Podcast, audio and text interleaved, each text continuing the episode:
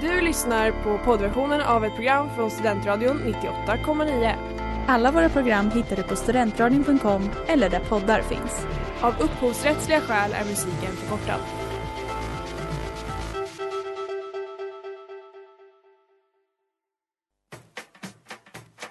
Hur är Uppsala som cykelstad? Men, men alltså verkligen, cred till alla rättshaverister där ute. Vad har ni för relation egentligen till näthat? Det faktumet att man kan bli tvångsgift. En möpare, det är en militärt överintresserad person. De som argumenterar för att public service ska vara skattefinansierat. Systembolaget har ju liksom den stora fördelen att de faktiskt säljer sprit. Alltså det gör ju inte Sen lunch med PK, ditt inrikespolitiska program. Varje onsdag klockan 18 på Studentradion 98,9.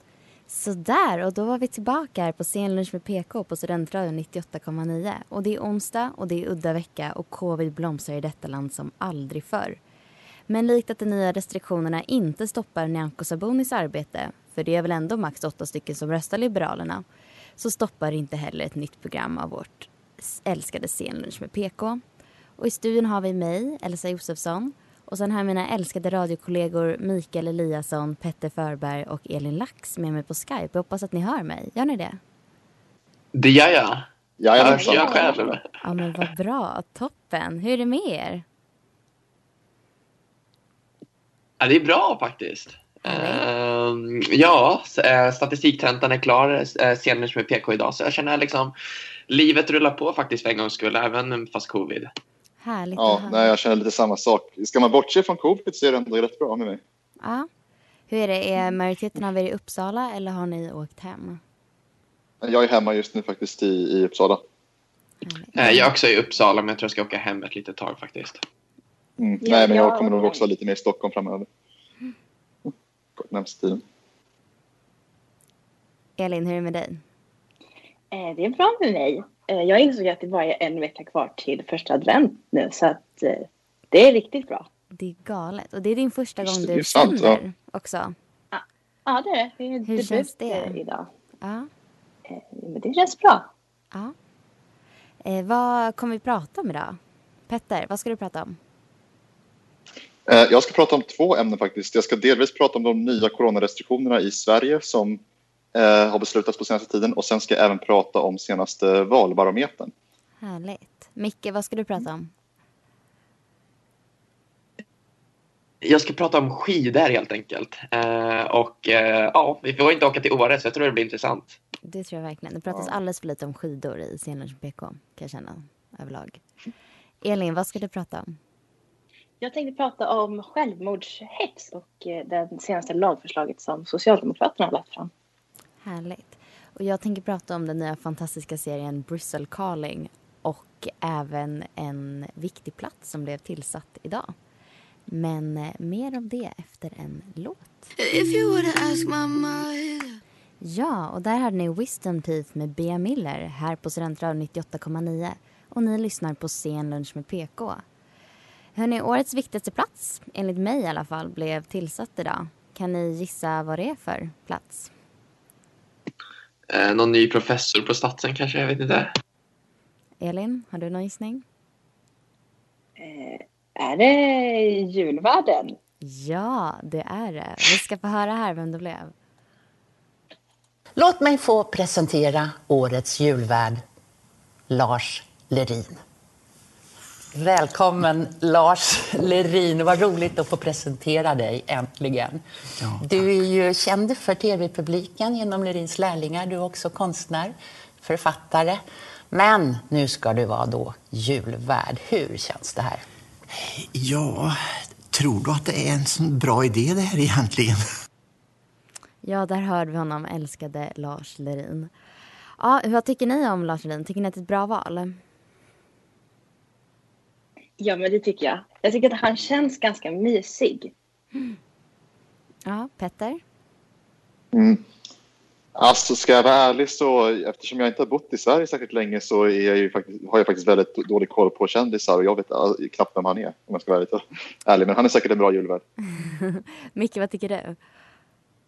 Eh, jag har ju bott länge i Sverige då, men jag har inte en blekaste aning heller vem det är. Men från eh, inspelningen som man fick lyssna kort då från typ 10 sekunder så tyckte jag att han ändå lät lite liksom så här, trevlig julvärd. Liksom så här, mysig, hemtrevlig. Man fick ändå lite julstämning direkt. ja, bara genom att höra rösten Mycket säger det säkert sant. ja, vet du, Lars Lerin är känd som författare och konstnär bland annat.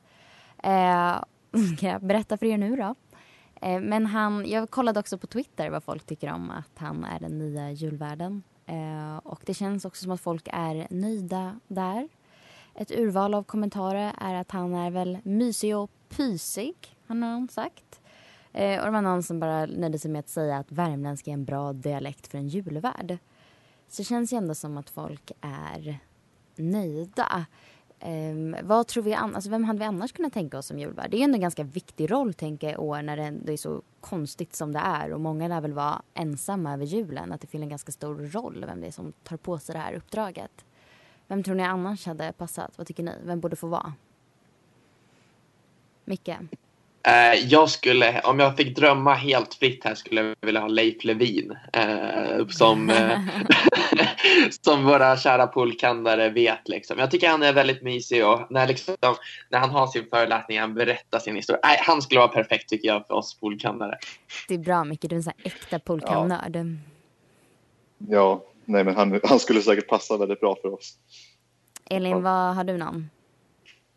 Alltså jag såg ganska många som tyckte att Tegnell som julvärd Oh, Gud, eh, hade inte han passat att tända ett ljus där? Jag menar, hans klädstil har ju blivit uppmärksammad på Twitter och liknande. Så jag tänker mm. att Tegnell som julvärd 2021. Ja, det känns som att han borde få lite lugn och ro 2021 är bra. Också. Han, ja, men då får liksom, han paus nu till Ja, sätta sig ner och tända ett ljus. Mm. Ja, jag tycker det låter som en toppen idé. Studentradio. Ja, och där hörde ni I guess this is life med Jordana. Och ni lyssnar fortfarande på Scenlunch med PK här på Studentradion 98,9. Och Petter, nu ska du prata lite mer om coronarestriktionerna som tyvärr fortfarande existerar i vårt avlånga land. Ja, det ska jag. Eh, precis. För er som har följt nyheterna eh, nyligen så har ni säkert hört att i förrgår så meddelade vår kära statsminister Stefan Löfven att sammankomster över åtta personer kommer att förbjudas från och med den 24 november och kommer preliminärt gälla fram till 21 december, men det kan såklart förlängas. Eh, tidigare meddelade han även också att alkohol inte kommer serveras efter klockan 22, vilket betyder att krogar och restauranger måste stänga senast 22.30. Eh, det betyder att restaurangen kommer fortfarande vara öppna trots beslutet om åtta personer. Eh, men min fråga till er det är, eh, tycker ni att de här besluten, det vill säga det här om alkoholen och åtta personer, är det rätt beslut? Kommer man hindrat smittan eh, från att gå hellös enligt det här eller behövs fler åtgärder eller räcker det med färre? Vad tycker ni?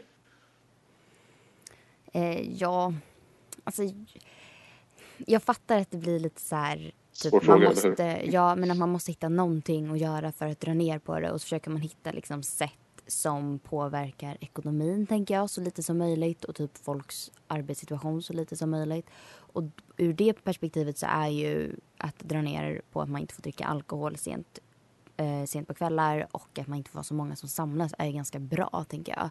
Men mm. jag tror egentligen inte att det kommer göra jättemycket för att stoppa smittan.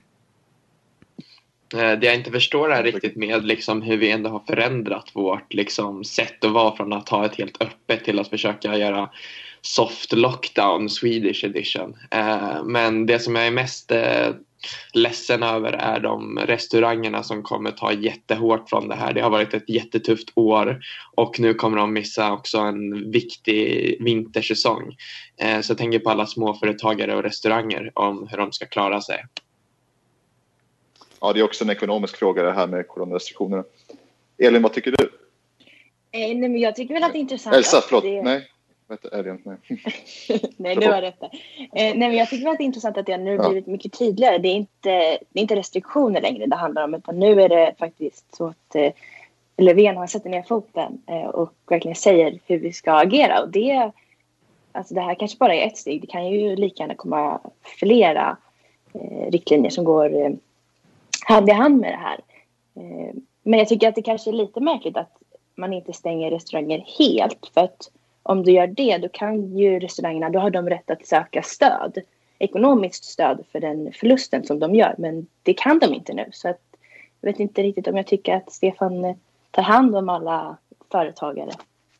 Men är det inte för att om man gör så här så kan man spara så mycket pengar på det? Att det finns liksom, här håller man, restaurangerna fortfarande hålla öppet. De får bara inte servera alkohol och det blir så här, kanske inte vi behöver ge dem så mycket pengar. För att de får ju, alltså ja. Tänk att det är så omvänd psykologi. Ja, jag gjorde, det är väl ändå en ganska smart strategi från vår regering alltså. Ja, ur att spara pengamässigt. Sen kanske det liksom inte är ja. så eh, solidariskt smart. Nej, jag och, tänker på alla eh, småföretagare som har liksom startat någon liten restaurang. Eh, de mm. kommer ju ha väldigt svårt när de inte får in Eh, pengar under, här, under hela året. Ja, verkligen. Ja, nej, jag tänker i alla fall att min dröm om eh, diktatur i Sverige håller på att besannas. Och där hörde ni låten When in summer I forgot about the Miai här på Studentradion 98,9 och ni lyssnar på Scenlunch med PK. Micke, nu ska du äntligen få prata om skidor och inrikespolitik som jag har längtat. Eh, hela coronakrisen började ju helt enkelt i Alperna här i Europa och det var en het diskussion inför påsken i Sverige. Eh, och nu så är det vinter igen så den här frågan kommer definitivt blåsa upp. Eh, för oss poolkannare så blev vi påverkade direkt i veckan när Ski Week ställdes in som pågår under vecka 3, 4 och 5. Eh, som gör att inte vi helt enkelt får åka till Åre i vår. Eh, men samtidigt så har vi bokningar till logier har ökat enligt Skistar med 10% jämfört med året innan. Eh, och det jag undrar helt enkelt, Ski Week är en klassisk tradition för Sveriges studenter men har nu ställts in. Eh, men samtidigt så får resten av svenska samhället åka upp till fjällen. Är det rätt verkligen att de svenska studenterna inte får åka upp men resterande samhälle får åka? Och ska vi ens ha öppna skidliftar i fjällen i år eller ska vi stänga ner helt? Vad tycker ni? Alltså jag tycker det här med skidliftarna, de kan väl vara, det är egentligen för tidigt att göra ett beslut om det tycker jag. Visst, de kanske inte ska vara öppna i december eller januari. Men, men senare så kan det även bli lite bättre så länge folk liksom är avstånd mellan folk i liftarna och så i köer och så. Visst, det är ju svårt men det kan ju, man kan ju göra det så ändå. Alltså jag tycker om alla, om liftarna är öppna och alla andra får åka upp och åka skidor, varför ska inte studenter få åka upp och åka då? Alltså det är ju så himla så här, eller rektorn för Uppsala universitet gick ut och sa att vi får oförtjänat mycket kritik. Det är verkligen så. Det, det har liksom blivit på något sätt mm. folks hatobjekt med studenter och hatar på allt vi gör. Samtidigt som vi liksom, vi lever väl oftast i våra bubblor själva så man kan ju bara låta oss vara. Elin, vad tycker du? Ja, men jag tycker att vi har blivit lite syndabockar i vissa av de här restriktionerna och rekommendationerna som har kommit. Att när det var i Uppsala när de fick eh, särskilda restriktioner, då var det ju studenterna som man skulle skylla på. Och så jag, jag tycker det är oförtjänat. Eh, från vårat, jag tycker inte att vi förtjänar att få så mycket eh, ja, men dålig publicitet. Nej, och sen, om man då ändå håller... För det är ju inte bara vi som sprider, sprider corona. Liksom, kollar man på bilderna från kollektivtrafiken i Stockholm till exempel, då var det ju det var ju medelålders personer som liksom trängdes jättetajt där. Det var inte vi studenter. Jag tycker mest bara det är en konstig dubbelmoral från Sverige med att man inte fick, att man fick ha 50 personer på till exempel Gröna Lund och Liseberg i sommar men samtidigt så ska nu tusentals åka upp för liksom till Åre till exempel och trängas på ICA och skidlifter. Alltså, jag tycker det bara känns konstigt, speciellt när vi har den här nya åtta personers restriktioner fram till 21 december men liksom liftarna kommer öppna. Alltså, jag vet inte, det känns konstigt tycker jag. Ja, men samtidigt så tänker jag att, att skidsystemen själva är otroligt beroende av den intäkt. Alltså de kan inte gå en hel säsong förlorad. Att de förlorar en massa på det. Det är också liksom att det hela tiden handlar om liksom ekonomisk politik på något sätt. Att hålla det i fart. Men däremot tycker jag inte man får ju liksom inte välja vilka som ska komma dit. Inte, alltså, också väldigt konstigt. Det är väl bättre att ta dit bara studenter. Om man nu ska, alltså, om man nu ska välja och vraka bland liksom grupper i samhället då vill man väl hälsa de som liksom är pigga och fräscha och inte dör av covid. Eller jag fattar liksom inte den mm. tanken där. Vad säger du, jo, så, Elin? Nej, men jag tänker att motion är, liksom, det är bra. Då bygger ju vet, allmänheten upp sin, eh, i, i sitt immunförsvar. Eh, och det gör ju att vi inte förhoppningsvis liksom kommer bli lika sjuka när vi väl blir sjuka, om vi blir sjuka. Eh, så det är väl ändå någonting som jag tänker att staten ska förespråka. Verkligen. Och det får bli avslutande ord innan vi går in på en ny sång. Studentradion 98,9. Yeah, yeah.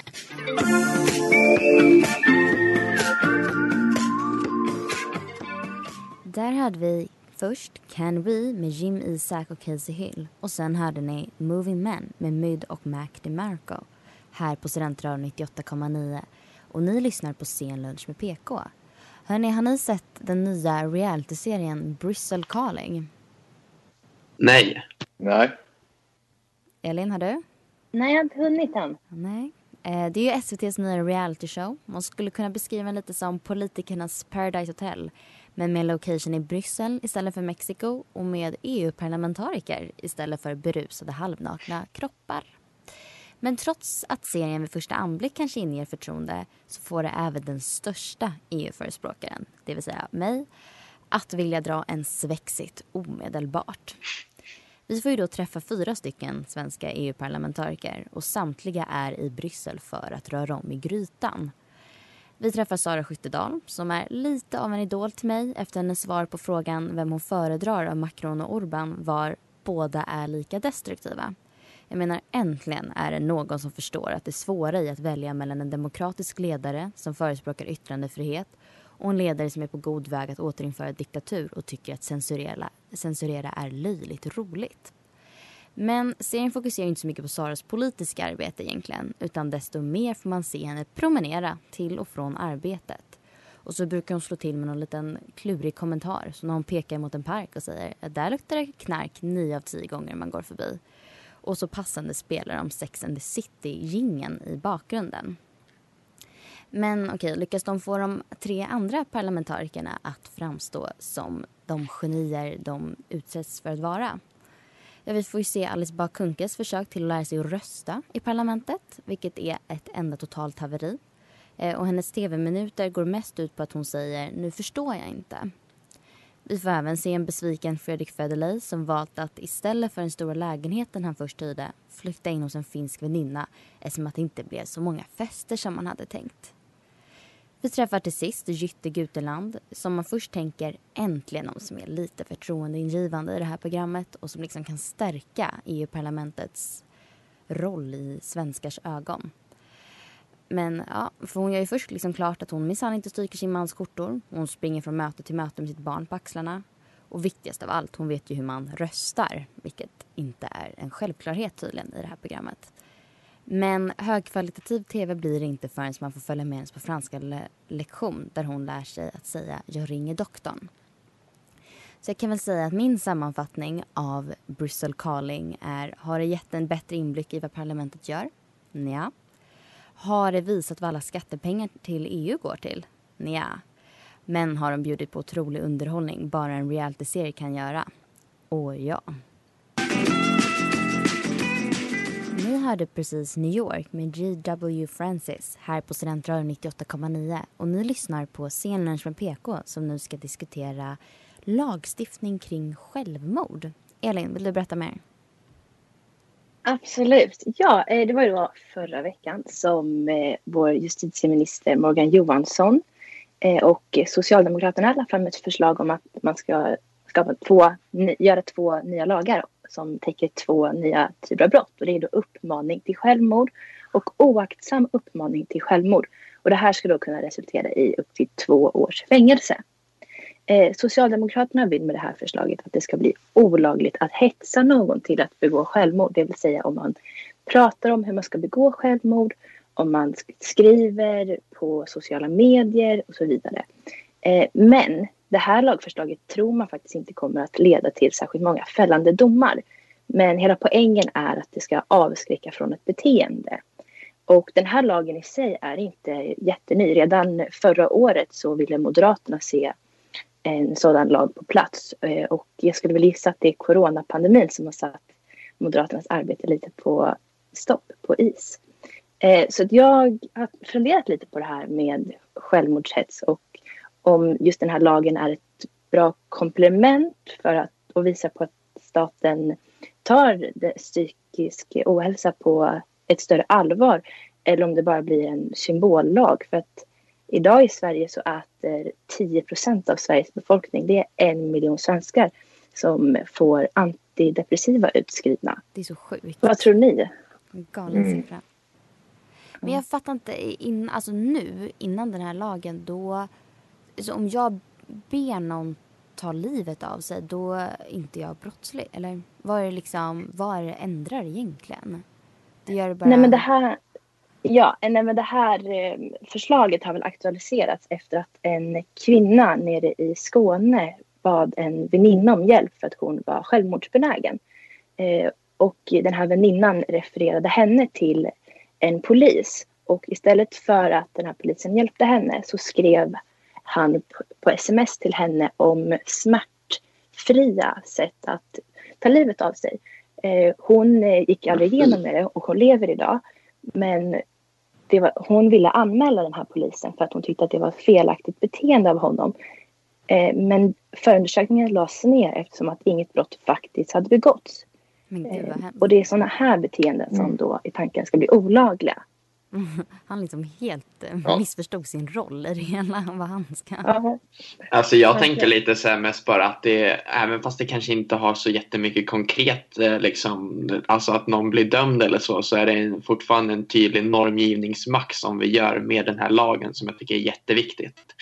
Så jag tycker det här är ett bra första steg med att kanske börja liksom ha liksom en lagstiftning om just självmord eh, som sen kan utvecklas ännu mer sen. Så jag tycker det är ett jättebra första steg.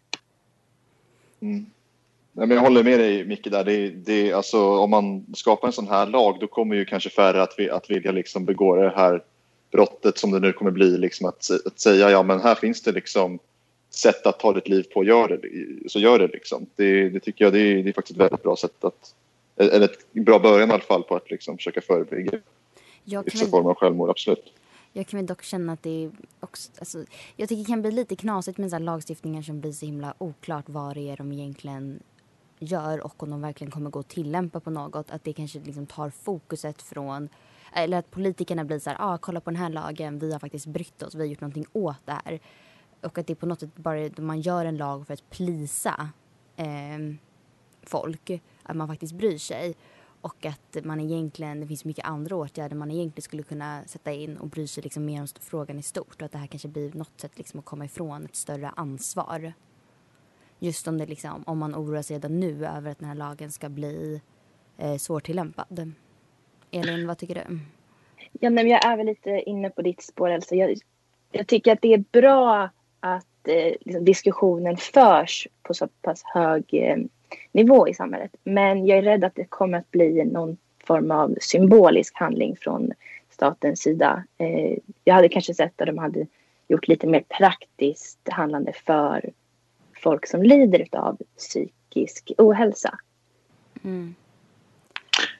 Det ena behöver inte utesluta det andra. Jag tycker fortfarande att det här kan vara ett bra första steg och också markera med att ens omgivning faktiskt har faktiskt ett ansvar med att bry sig om sin omgivning. Till exempel med den där polisen med att ja, men du ska faktiskt bry dig om dina medmänniskor. Alltså att det faktiskt finns lagstadgat. Det är inte liksom så att om den lagen finns, ja då kan vi tillämpa det och om man kan göra det kanske i två fall i Sverige, ja då ser jag det hellre än att vi inte ska ha den lagen alls. Man hör att förvaltningsrätten satt sitt spår mycket. Och där hade vi Daydreams med Easy Life här på Studentradion 98,9. Och ni lyssnar på Sen lunch med PK. Petter, du ska prata om valbarometern. Just det. Eh, för drygt en vecka, sen sedan så släppte ju SVT sin senaste valbarometer som eh, handlade just om då oktober till november eh, 2020 i år. Och vi ser ju att eh, mätningarna har ju ändrats lite grann sedan valet. Vänsterpartiet har ju till exempel gått upp till 10,6 procent vilket är ganska mycket högre än vad de var i, valet. Socialdemokraterna har gått ner till 26,4 procent. Eh, även Moderaterna och eh, Sverigedemokraterna har ju gått upp eh, några procentenheter sedan eh, valet. Och framförallt så eh, ligger nu Miljöpartiet och Liberalerna under riksdagsspärren vilket betyder att de inte skulle vara med överhuvudtaget om det vore val idag. Så min eh, fråga till er är hur tror ni regeringsbildningen eh, skulle se ut om det vore val enligt den här eh, valbarometern? Hade till exempel Moderaterna och KD gått emot sina löften och inleda ett samarbete med SD eller hade Socialdemokraterna släppts fram i partier som till exempel Centern och Vänsterpartiet nu när Liberalerna och eh, Miljöpartiet skulle falla ur riksdagen? Micke kör hårt. Oj, ska jag köra hårt nu? Nej men alltså så här, MKD-regering tror jag på. Eh, vilket sätt det blir helt enkelt så får man se ifall man vänder sig mer mot SD eller ifall Socialdemokraterna väljer att släppa ännu mer eller om man kan inleda ett samarbete med Centerpartiet. Alltså det är också väldigt eh, spekulativt och svårt att faktiskt säga någonting definitivt eftersom om L och MP skulle åka ut så skulle vi ha ett väldigt spännande parlamentariskt läge. Men eh, jag vet inte, jag tror på en MKD-regering. Eh, vart den får stöd ifrån vet jag inte. Elin, vad tror du? Ja, jag tror väl också på en eh, MKD. Jag tänker att hela den här LAS-grejen har gjort att Socialdemokraterna har tappat väldigt mycket förtroende. Så att jag tror att det kanske kan vara deras förlust. Mm. Jag tänker också det, det, eller jag tänker mycket med coronan just nu har gjort att man Alltså, Socialdemokraterna lever lite på det. Det brukar ju gå ganska, i alla fall bra för den som är liksom sittande ledare. Typ Stefan Löfven går väl ganska bra för i mätningarna just nu. När liksom landet genomgår en kris.